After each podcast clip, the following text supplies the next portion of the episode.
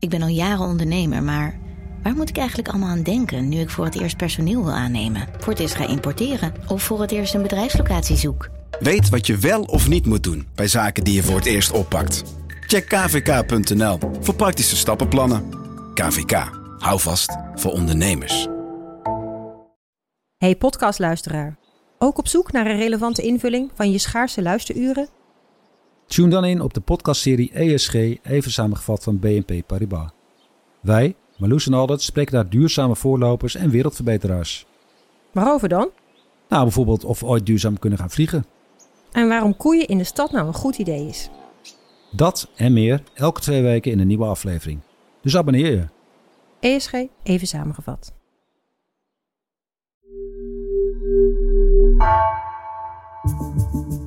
Vanaf de redactie van NRC het verhaal van vandaag. Mijn naam is Egbert Kalsen.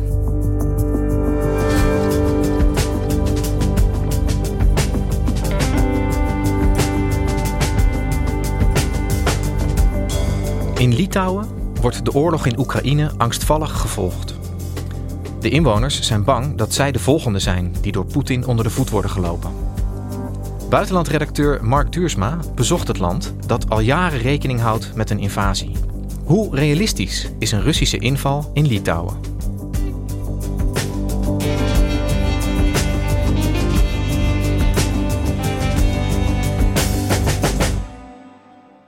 Naikins priešo pajėgų šarvuotą techniką vykdydami prieštankinės pasalas.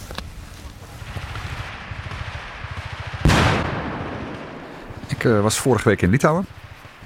En onder andere in Pabradé, een uh, klein stadje in het oosten van het land. Heel dicht bij de grens met uh, Wit-Rusland, ongeveer 10 kilometer. Daar is een groot militair oefenterrein. En ik heb een oefening bijgewoond van het Litouwse leger in samenwerking met Britten. En dat was een een oefening om tankaanval te trotseren. Dus daar werden anti-tankraketten gebruikt, javelins. Dat is hetzelfde type wapen dat ook uh, veel door de Verenigde Staten aan Oekraïne is geleverd. En dat was, uh, ja, het was een interessante omgeving. Het is een groot bos. Uh, nou ja, heel veel Litouwen is bos. Maar een groot, groot terrein waar we met een, um, een legertruck naar de plek zelf werden vervoerd. Uh, een handjevol journalisten. Ik was de enige buitenlandse journalist. Verder wat uh, Litouwse tv. En uh, moesten allemaal scherfvesten aan, helmen op. Ja, kreeg eerst uitleg over wat er zou gaan gebeuren. En vervolgens veel kabaal. Ik was in Litouwen om de stemming te peilen, eigenlijk. Om eens te kijken van hoe staat het land ervoor in, in deze crisis, de oorlog in Oekraïne. Baltische landen Estland, Letland, Litouwen uh, liggen natuurlijk uh, dicht bij de gevaarlijke zone. Uh, hebben een verleden met, met de Sovjet-Unie, zijn daar ook buitengewoon gevoelig nog voor. En wat president Zelensky ook zei van, ja, zij zijn de volgende. Dat gevoel wilde ik eigenlijk uitzoeken. Van, leeft dat gevoel daar dat zij inderdaad de volgende op de lijst zijn? De volgende prooi van Poetin. Mark, jij, uh, jij bent een aantal dagen in, uh, in Litouwen geweest. Is er ook echt sprake van een gevoel van dreiging daar op straat in, uh, in Litouwen? Nou, nee. Op het oog niet. In Vilnius, de hoofdstad, is er gewoon ontspannen sfeer. Koffietentjes, overal mensen op straat. Er was um, in een weekend dat ik er was, was een grote markt. Um, een soort festival voor ambachten. Dus alle pottenbakkers en mandenvlechters uit het hele land. Die kwamen daar hun uh, spullen uh, aanbieden. Jongeren aan het skateboarden uh, op het grote plein bij de kathedraal. oogschijnlijk een prettige sfeer, niks aan de hand. Maar het werd wel snel duidelijk dat dat de buitenkant is. En zodra je even gaat zitten en praten met iemand, dan gaat het onmiddellijk over de oorlog. En over Oekraïne. Slava Oekraïne!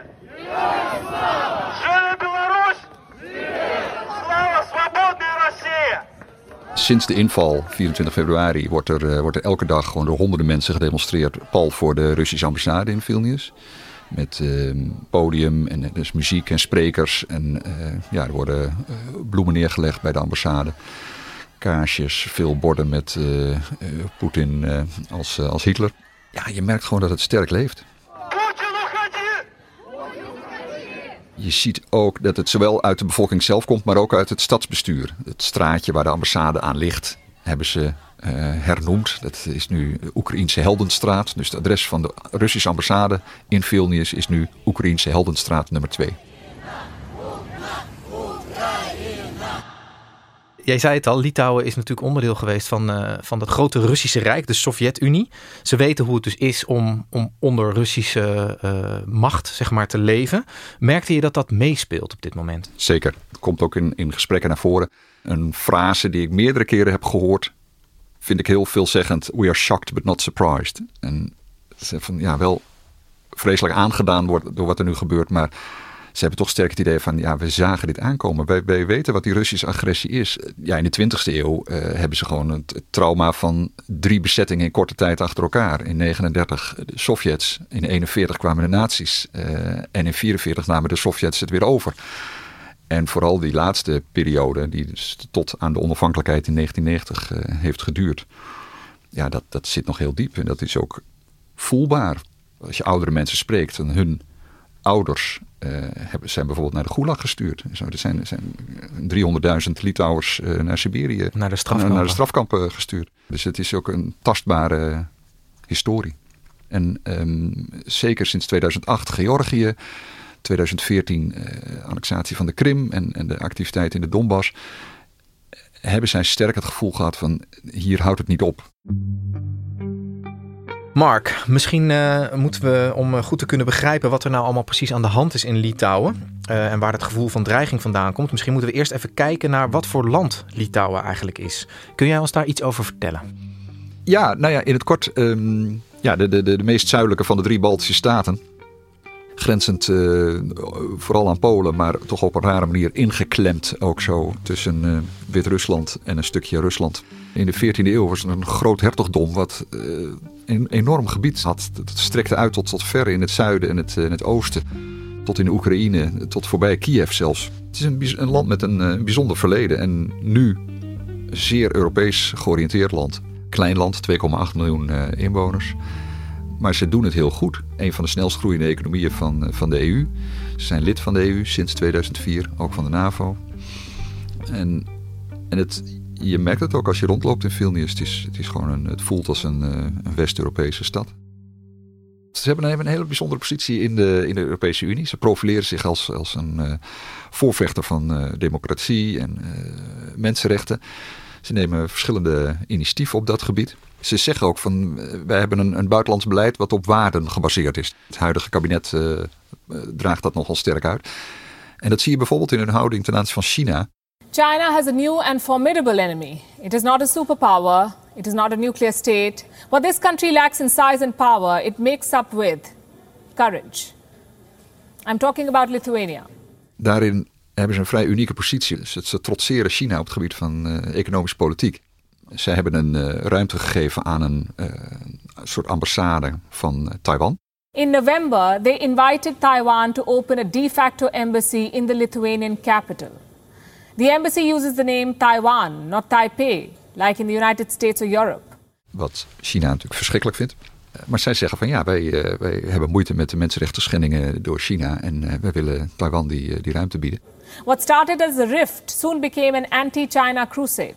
Lithuania has criticized the genocide in Xinjiang. They have slammed the crackdown in Hong Kong. In September, they asked all their citizens to quote unquote throw away their Chinese smartphones. Maar ze weren ook bijvoorbeeld Huawei, omdat ze ervan overtuigd zijn dat er uh, spionagesoftware in de mobiele telefoons uh, van Huawei uh, zit. En dat heeft tot hele felle reactie van China ge geleid. Die weren elk product uit Litouwen, maar ook zelfs elk product uit een ander land waar Litouwse onderdelen in zitten. Goods produced in Lithuania were suddenly getting stuck at Chinese customs. Multinationals were given a choice cut ties with Lithuania or leave the Chinese market. Lithuania understands China's designs in Europe. It does not want Chinese money or Chinese influence. It wants freedom and sovereignty. Je ziet ook dat ze zich heel erg solidair tonen met de Wit-Russische oppositie. Daar zijn ze al uh, ja, een paar jaar de hele belangrijke uitwekplek voor Wit-Russische ballingen. De oppositieleider Svetlana Tiganovskaya heeft daar ook haar hoofdkwartier. Maar ook bijvoorbeeld Leonid Volkov, de stafchef van Navalny, die zit in Vilnius. Dus zo zijn ze ook een soort vluchtplaats voor mensen die in autoritaire buurlanden geen plek meer hebben en daar niet kunnen werken.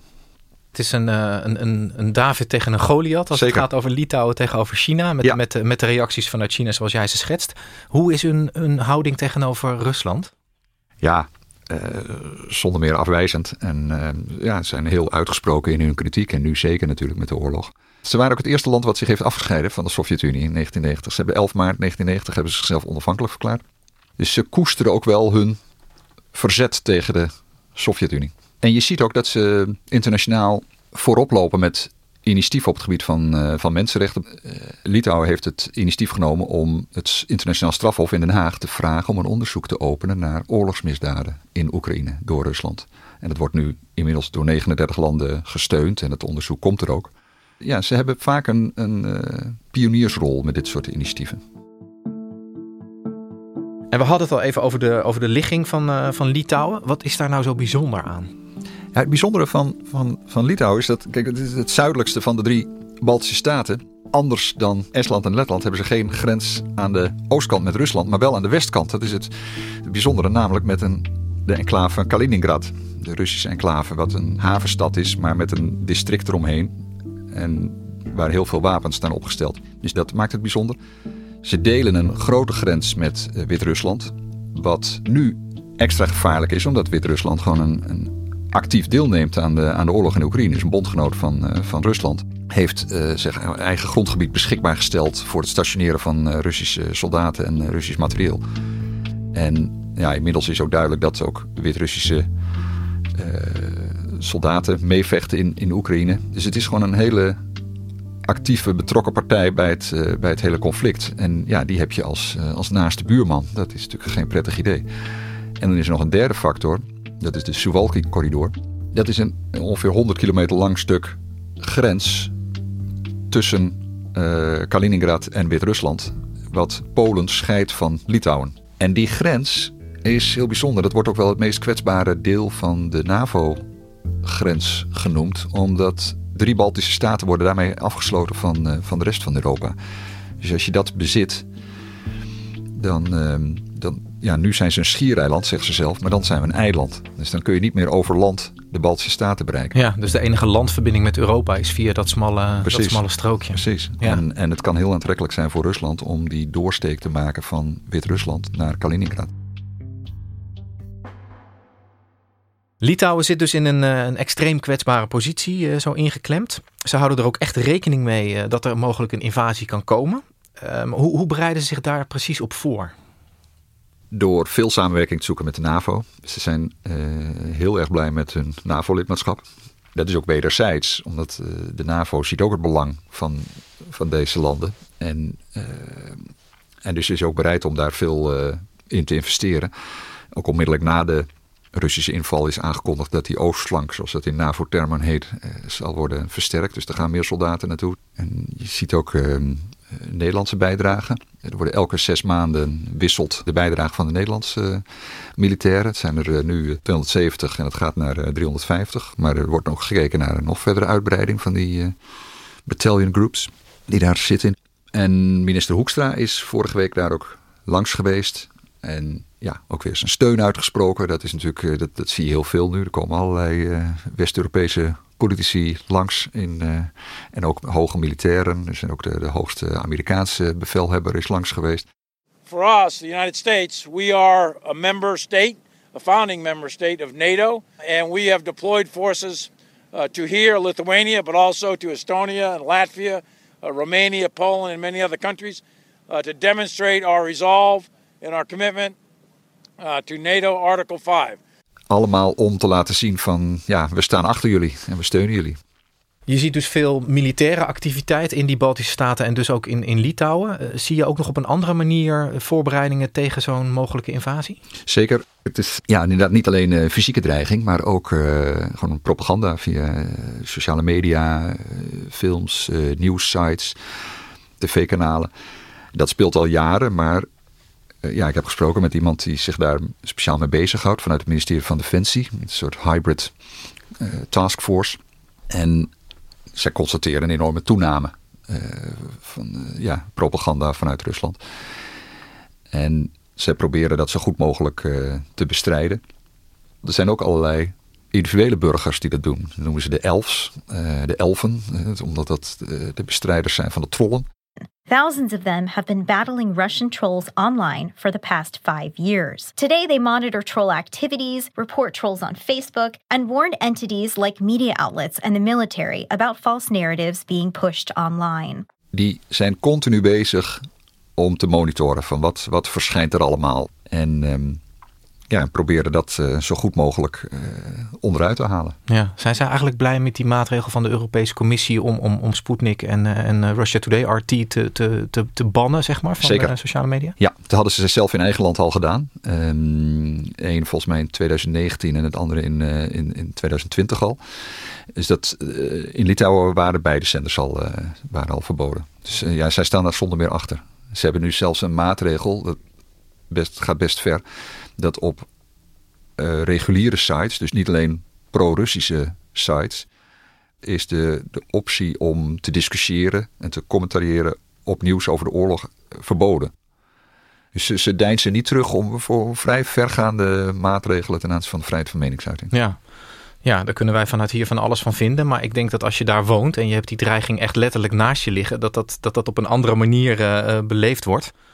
Lastige vraag misschien, maar hoe, hoe terecht is denk jij die angst dat er zo'n invasie aan zit te komen? Het ligt heel erg voor de hand om te zeggen, je hoeft niet bang te zijn, want je bent lid van de NAVO. En dat is ook een beetje, dat klonk ook in gesprekken als een soort bezwering. Dat, dat NAVO-lidmaatschap, dat, eh, dat, dat lijkt de ultieme buffer. Zo van, dat zal hij toch niet wagen, want dan heeft hij een conflict met de NAVO. Mensen eh, zien het ook wel als een, als een veilige paraplu. En het is ook wel, maar maar dat is ook wel het enige. Zo van, ze realiseren zich ook wel van als dat er niet was. Want ja, in die zin wordt ook veel de vergelijking met Moldavië gemaakt. Van wat ook in zo'n kwetsbare positie ligt. En geen lid is van de NAVO. Dus die, die hebben die paraplu niet. Als je ziet wat er nu gebeurt. Eh, drie weken geleden was dat allemaal onvoorstelbaar. En, en heel weinig analisten voorzagen dat er een, een, een full-fledged uh, invasie zou komen. En dat er een aanval op Kiev zou komen.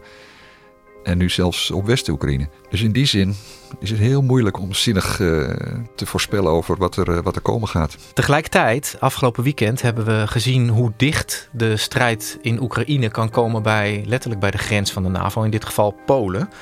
Um, dat zal toch ook wel wat alarmbellen hebben doen afgaan in Litouwen, neem ik aan. Zeker, dat, uh, dat, dat, dat, ja, hoe verder het conflict naar het westen komt, hoe, hoe angstig het wordt voor Polen en, en Litouwen.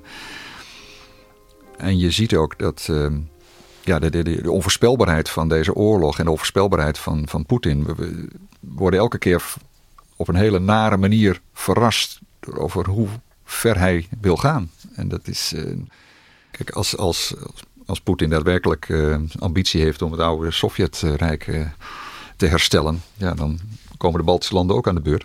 Dus in die zin weet je ook niet zeker of die NAVO lijn inderdaad een rode lijn is voor hem. Dankjewel, Mark. Graag gedaan.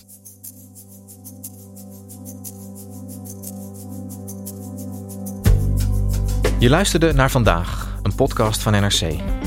Eén verhaal, elke dag. Deze aflevering werd gemaakt door Anna Korterink en Marco Raaphorst. Dit was vandaag, morgen weer.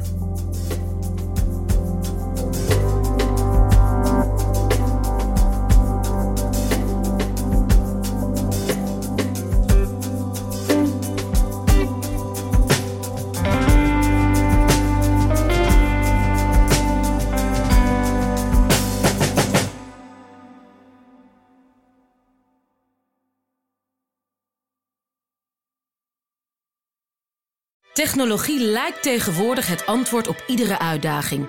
Bij PwC zien we dit anders. Als we de potentie van technologie willen benutten, kunnen we niet zonder een menselijk perspectief. Human-led, tech-powered noemen we dat. Ga naar pwc.nl.